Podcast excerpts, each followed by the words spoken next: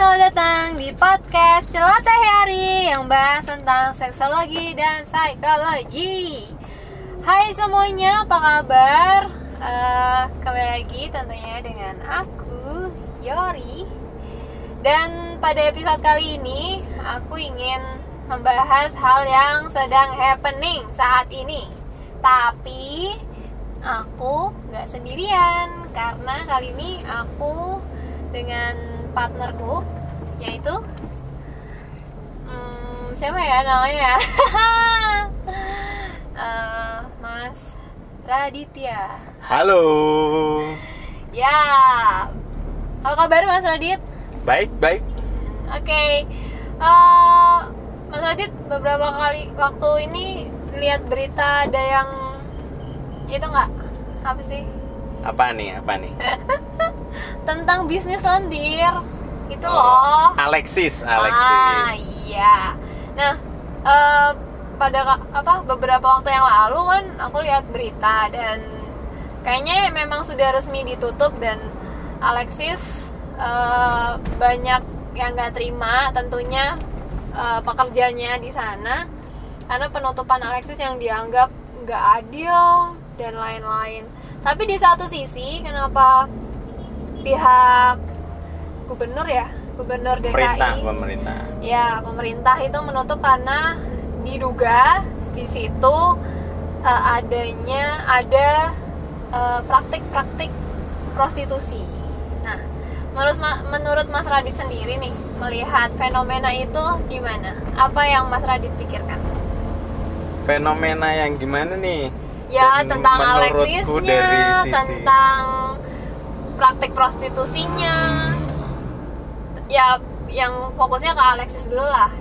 Oke, kalau Alexis sih ya udah denger lama sih memang di sana ada praktek yang layanan hotel yang ada plus-plusnya lah ya spa plus karaoke plus itu bukan sebenarnya bukan rahasia lagi sih udah rahasia umum sebenarnya soal Alexis itu cuma mungkin karena dia populer aja ya sedang yang aku tahu di daerah sana itu atau di daerah-daerah lain ya hotel yang punya layanan atau spa yang punya layanan itu tuh banyak banget sebenarnya jadi ya mungkin karena lebih terkenal aja jadi kan Jadi kalau sorotan gitu ya. nah lebih mudah dikendarai isunya ya, lebih seksi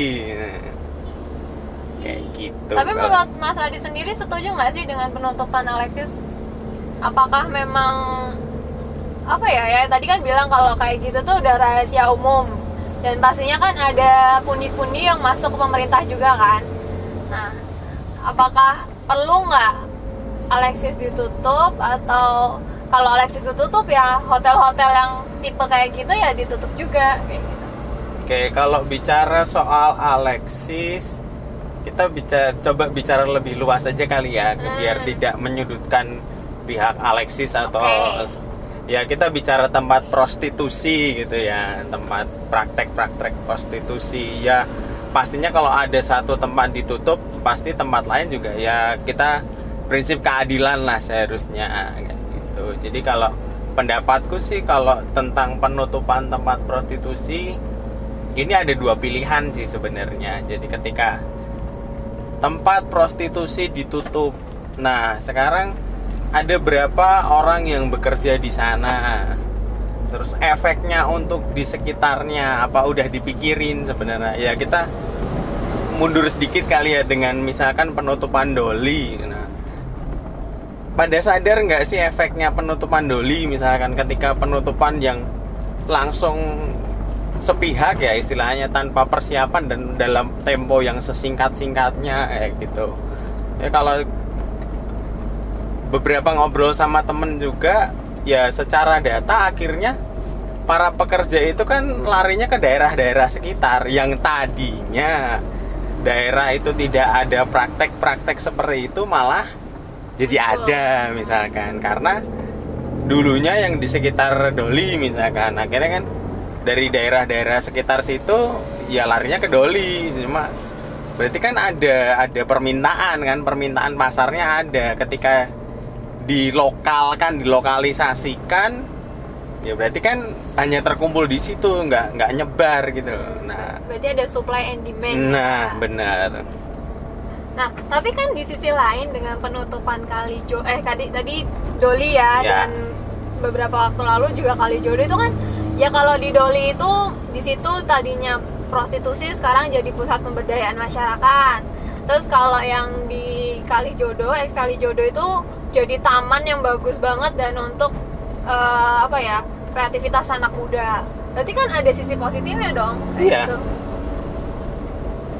sisi positif pasti ada cuma yang perlu dipikirkan adalah ya efek samping dari penutupan itu misalkan nih kasih contoh dari kali jodoh misalkan. Lah bisa kan sebenarnya kalau menurutku ya ini bisa kan sebenarnya sebelum menutup kita mengadakan dari pihak-pihak terkait mengadakan pelatihan dulu misalkan pelatihan keterampilan lah apa. Ketika misalkan kali jodoh sudah jadi seperti itu mereka bisa di- dibuatkan tempat usaha di sekitar situ misalkan. Kan sebenarnya kan memberi solusi sebenarnya menutup kalau aku lebih sepakat menutup oke cuma beri solusi gitu Berarti Gitu. kayak eh, pelatihan kayak gitu-gitu. iya ya. Tapi apakah eh, coba kita eh, apa ya berpikir berputar sebentar. Ketika sudah setiap apa setiap harinya atau punya kebiasaan ketika bekerja hanya dengan tanda kutip ngangkang doang itu udah dapet duit terus ketika dikasih keterampilan itu kan pasti kan ada proses tuh dan nggak bisa langsung dapet duit.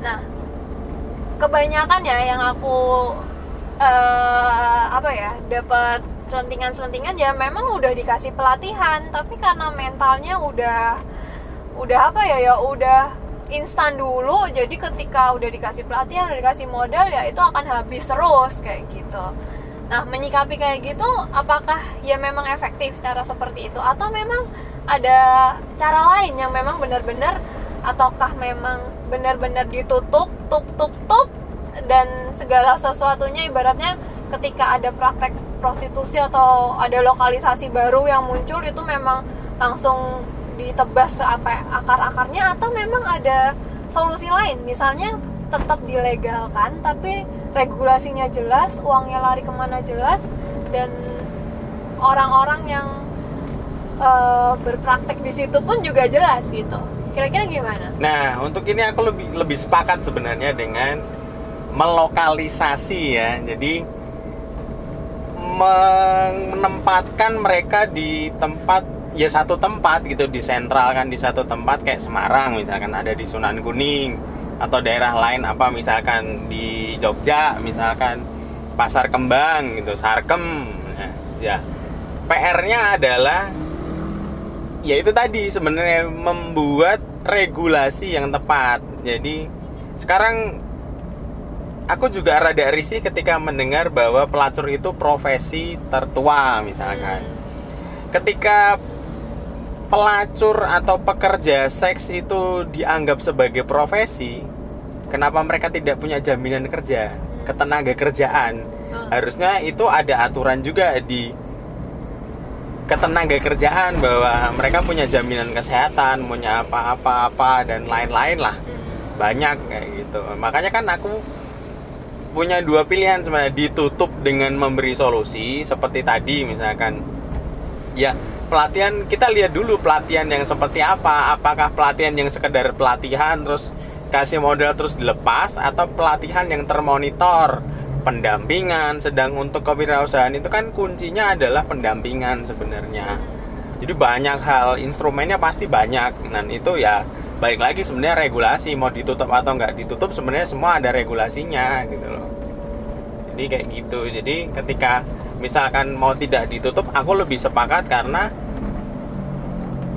permintaan pasti ada gitu loh. Jadi marketnya mereka ada. Kalau mau ditutup pasti akan lebih merembet-rembet ke yang pinggir-pinggir bikin yang ya banyak praktek lain. Dengan kayak teknik yang lain kan? Nah, kayak kita bisa lihat sekarang prostitusi online sudah mulai ramai karena isu-isu penutupan tempat pro- lokalisasi kan sudah Sudah mulai ramai juga Apalagi gitu. politik apa Ya. anu ya musim-musim politik Nah, itu gini kendaraan yang seksi banget kan sebenarnya untuk jadi topik kayak gitu. Iya sih, kadang um, orang berpikir wah pokoknya ditutup ditutup tapi nggak nggak apa ya nggak mikir dampaknya ditutup itu akan seperti apa. Jadi kan ketika lokalisasi itu ditutup yang awalnya semua apa ya eh, kesehatan terpusat dan terkontrol ketika ditutup kan otomatis kan nyebar dan ketika balik lagi ke kampung atau ke desa masing-masing terus nggak ada pekerjaan otomatis apa yang dikerjakan dulunya itu bisa jadi kemungkinan dikerjakan lagi di kampungnya atau di desanya Iya kan namanya udah gitu. terkenal Nah, pasti. iya. Aku tuh orang yang tidak percaya ketika mereka di sebuah kota A mereka berprofesi sebagai ya sorry ya aku lebih suka menyebutnya pelacur ya dibanding pekerja karena memang bukan pekerja gitu loh. Nah, pasti kedengeran lah pasti tetangga tetangga apalagi bapak-bapak mas-mas cowok-cowok denger wah ini dulu berprofesi sebagai pasti kan menjadi lirikan dan otomatis kebiasaan-kebiasaan menggunakan baju itu pasti kan kelihatan kayak gitu-gitu jadi di mana pun dia berada kalau nah makanya PR kita sebenarnya kan mengedukasi. Nah inilah kelemahan kita itu sebenarnya mengedukasi. Dan kebiasaan menjadikan itu sebagai mereka sebagai objek Tuh. menjadi project. Nah itu.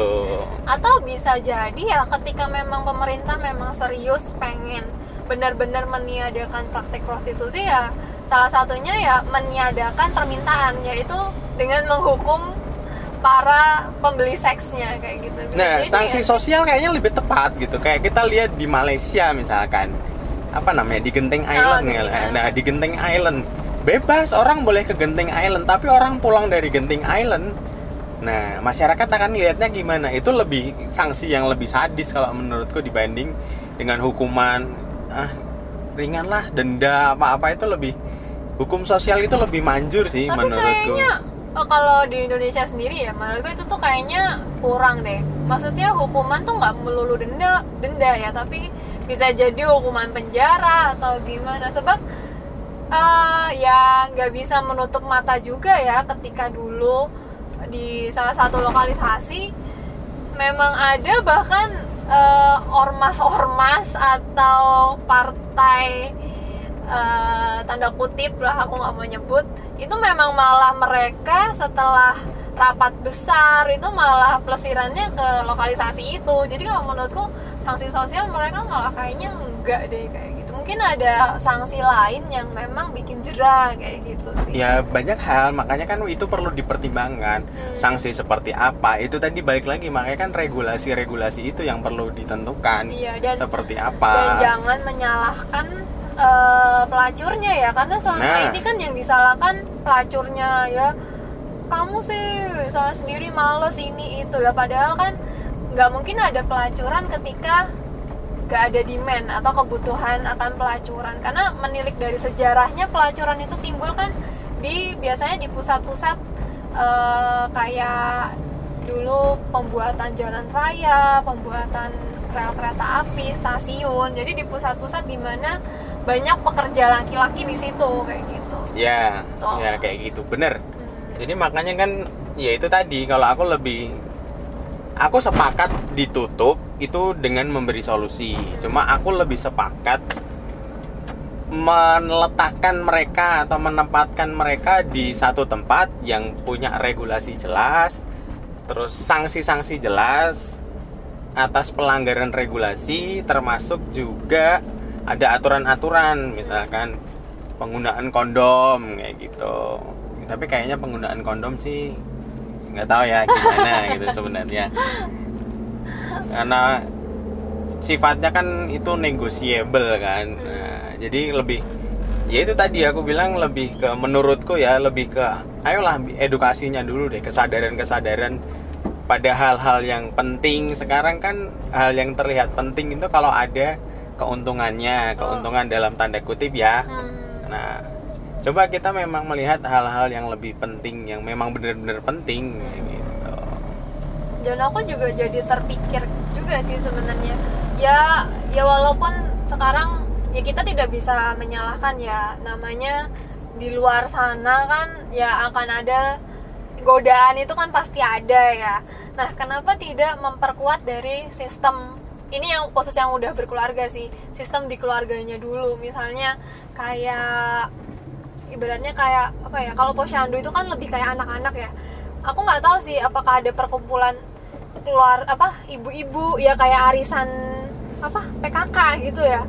Atau gimana yang pokoknya khusus ibu-ibu kumpul dan itu diberikan sex training kayak gitu. Gimana sih caranya eh, teknik-teknik apa aja di kasur seperti itu. Soalnya kan banyak banyak laki-laki yang ketika ditanya kenapa kok kepelacuran? Ya istri gayanya gitu-gitu doang.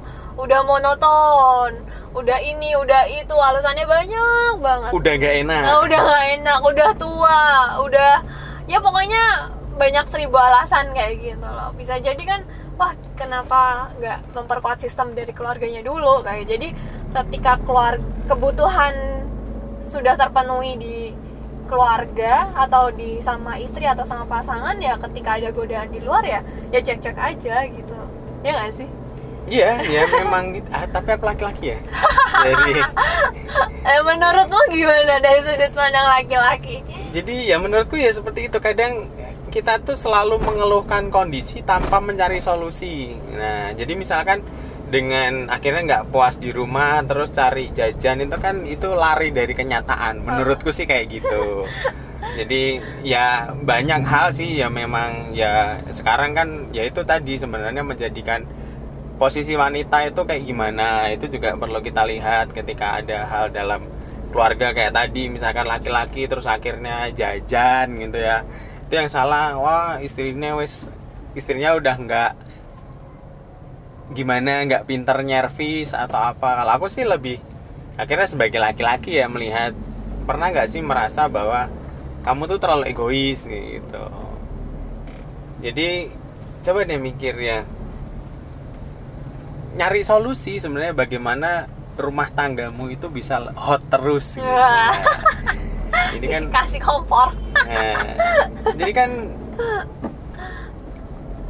ya banyak lah triknya banyak ketika ya hanya alasan sih menurutku. Padahal aku laki-laki ya hanya alasan kamu bilang inilah itulah kayaknya alasan doang sih bahwa ya itu sama halnya dengan ya kayak tadi misalkan terjadi pemerkosaan misalkan. Ya salahnya cewek pakai baju seksi. Enggak sih kalau menurutku bukan salah ceweknya aja gitu. Di aku juga ngelihat cewek seksi kalau memang tidak ada itikat gimana gimana juga ya udah biarin aja. Itu hak dia hak berpakaian sih. Ya gitu. Iya. kita juga nggak bisa memaksa wanita bagaimana bagaimana. Ya kan itu haknya mereka. Sama laki-laki kan juga nggak ada yang komplain ketika dia pakai kaos nggak pakai lengan gitu. Kok cewek-cewek juga nggak komplain gitu. Kayak gitu. Oke jadi ya ya memang perlu dilihat dari berbagai sudut ya. ya banyak sudut pasti Dan kita harus melihat. sudut dan ya tetap ya memang tetap setiap tindakan tuh pasti ada resikonya. Seperti ya balik lagi ke penutupan Alexis ya. Ya kita juga tidak bisa semena-mena langsung menutup aja tanpa ngasih eh, solusi ini pegawainya nih mau dikemanain kayak gitu. Atau atau gimana kayak gitu. Dan memang belum banyak yang tahu juga padahal sekarang ini eh apa pengidap HIV AIDS tertinggi itu malah ibu rumah tangga bukan bukan pelacurnya kayak gitu. Itulah mengapa ya ketika anda anda memang berhasrat jajan di luar ya udah jajan aja tapi nggak usah membuat orang lain tuh jadi kena imbasnya. Misalnya kayak istri malah jadi kena kena apa ya? Ya kena penyakitnya. Padahal kan istri tuh nggak ngapa-ngapain kayak gitu loh. Yang yang jajan siapa? Yang kena penyakitnya siapa? Kayak gitu. Nah ini Makanya- kayaknya bakal kita makanya- bahas lagi nih next Heeh, makanya ya itulah mengapa kondom perlu perlunya pakai kondom kayak gitu ya. Sebenarnya itu tidak hanya menyelamatkan dirimu aja tapi juga diri orang lain yang ada di sekitarmu kayak gitu. Kayak gitu sih. Malah ke mana-mana ya. Tapi ya mungkin eh, pola pikir kayak gini juga maksudnya akan ada pembahasan lagi ya kenapa kenapa cewek itu eh, lebih tinggi terkena maksudnya lebih mudah terkena HIV/AIDS daripada cowok dan semoga kita bisa ketemu narasumbernya yang memang ahli di bidang HIV/AIDS kayak gitu. Iya. So buat stat, uh, stat- closing statement nih, Ma- Mas Radit ada hal yang pengen disampaikan nggak? Ayo kita mulai lihat satu kejadian atau satu apa pun lah dari banyak sudut. Jadi kalau itu jatuhnya biar kita nggak jadi judgement sama satu hal kayak gitu. Jadi kita punya banyak. Oh kalau ini begini ya ternyata ini gini. Jadi kita lebih lebih bijak lah bersikap terhadap sesuatu. Soalnya itu kayaknya yang memang jadi permasalahan kita bahkan bangsa ini sekarang yang mudah terprovokasi yang mudah. Jadi apa pun ya balik lagi ke Alexis tadi misalkan. Ya itulah. Kita coba lihat dari berbagai sudut ketika penutupan apakah penutupan Alexis sudah menjadi solusi terhadap prostitusi yang terjadi? Menurutku enggak gitu. Masih banyak PR tentang prostitusi. Nah yang penting sekali lagi aku tekankan yaitu regulasi dan ya banyak gitu. Yang harus PR kita itu masih banyak sebenarnya. Jadi tidak semata-mata oke sudah selesai gitu. Atau sekedar mencari pencitraan kayak gitu. Nggak nggak keren sih menurutku. Oke, eh, jawab cepat ya. Eh, Indonesia perlu melegalisasi prostitusi atau enggak? kalau aku perlu. Oke, oke, perlu ya. Alasannya nggak usah udah butuh perlu atau enggak. alasannya mungkin nanti kita bahas di next Oke, oke, makasih Mas Radit buat ngobrol-ngobrolnya. Jadi kenapa hari ini eh, pada episode kali ini aku butuh sudut pandang cowok melihat suatu problem prostitusi karena kebanyakan ketika membahas prostitusi, prostitusi dari sisi cewek doang itu mungkin akan gak netral ya. Tapi ketika oh ada cowok yang eh, sudut pandangnya kayak gini, jadi menurutku itu jadi lebih netral aja sih melihat suatu case yang eh, terkait dengan bisnis lendir ini. So gitu dulu episode kali ini. Terima kasih Mas Radit Eh, sekali lagi. sama-sama Uh, see you in the next episode. Bye bye.